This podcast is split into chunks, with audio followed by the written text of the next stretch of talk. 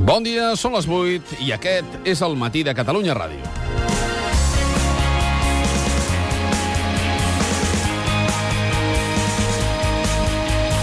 Avui els diaris recullen la mort de l'actor James Gandolfini, lluant el gran paper de gàngster mafiós que va fer a l'aclamada sèrie Lo Soprano, on ens va deixar interpretacions i frases tan memorables com la merda t'arrossega cap a baix i els calés flueixen cap amunt.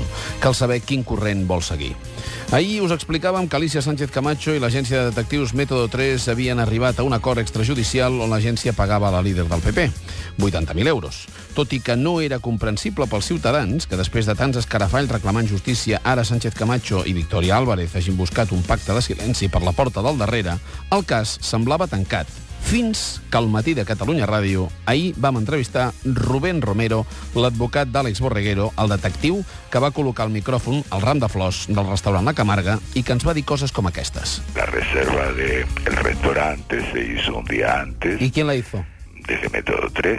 La reserva del restaurante para que comieran Alicia Sánchez Camacho y la señora Victoria Álvarez. Sí, cliente un día antes lo mandaron a que le enseñaran el lugar donde iba a hacerse esa comida. Mi cliente también pagó la comida. Su cliente pagó la comida. Dejó el dinero que le pidieron por adelantado, luego le dieron el cambio.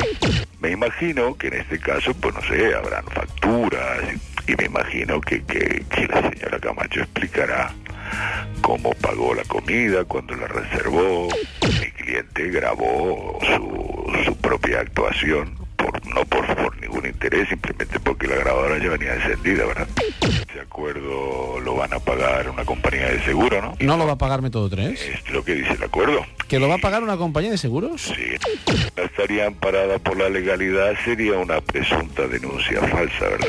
Método 3 está reconociendo que Método 3 actuó ilegalmente, sí. A partir d'aquell moment, la versió oficial de l'agència i la de Sánchez Camacho quedaven en entredit fins al punt eh, que ahir van haver de sortir representants del PP a dir que va ser el mateix partit qui va reservar la taula perquè, per exemple, en la, en la demanda que posava la senyora Sánchez Camacho a través del seu advocat, deia mi representada jamás prestó su consentimiento para que dicha conversación privada fuera grabada mediante sistemas de escucha o reproducción de sonido o vídeo. Aleshores, com pot ser que no s'estigui cometent una il·legalitat si no hi ha el consentiment d'una de les parts? Qui va fer realment la reserva de la taula? Qui va pagar el dinar? Està enregistrada la conversa prèvia entre Borreguero i qui de veritat va encarregar l'espionatge? Si Método 3 va pagar el dinar i va fer la reserva i diu que no ha comès cap delicte, Alicia Sánchez Camacho o l'exnòvia de Jordi Pujol Ferrusola ho havien de saber, com us acabem d'explicar. Però això contradiria la denúncia que ha posat la senyora Sánchez Camacho. I fer una denúncia falsa sí que és un delicte.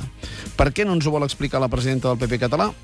Método 3, en un comunicat d'ahir al migdia, puntualitza que no va cometre cap delicte i que l'acord i la indemnització a Sánchez Camacho és per la culpa civil de no haver custodiat bé la cinta, o sigui que reforça la idea que alguna de les dues senyores del dinar sabia que les estaven gravant. La suposada indemnització la pagarà en part, diuen, una companyia d'assegurances, mentre que l'agència Método 3 manté la demanda sobre els dos exempleats, Borreguero i Peribáñez, a qui acusa d'haver filtrat la gravació. Avui, a l'MCR, mirarem de treure'n l'entrellat. De seguida, amb l'advocat de Borreguero. Eh, també parlarem amb l'advocat de la propietària de la Camarga i, de moment, cap representant del PP no vol dir-hi la seva. Avui els diaris recorden la mort de Gandolfini, el gran Tony Soprano, de la màfia de New Jersey. Avui els diaris també mostren l'excarceració de Miguel Blesa, l'expresident de Caja Madrid, somrient. Ha estat a petició de la Fiscalia i de la defensa de l'exbanquer. Yo creo que he estado aquí acusado por dos delitos injustamente y lo que deseo de verdad es que eso se esclarezca. No hay nadie más interesado que yo en que eso se esclarezca. Eso sí, lo quiero con un juez imparcial cosa que yo creo que no he tenido hasta este momento. El jutge Elpidio José Silva, a contracor, va decretar la llibertat i es queda, a més, sense base per mantenir la imputació. L'escrit de l'audiència contra l'ordre del jutge és molt dur, fins i tot acusant Elpidio Silva d'haver utilitzat arguments copiats de la Wikipedia en la seva interlocutòria.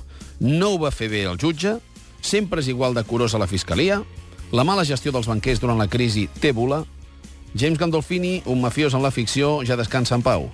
Miguel Blesa, avui, ha dormit a casa seva. Benvinguts a casa vostra. El matí de Catalunya Ràdio, amb Manel Fuentes.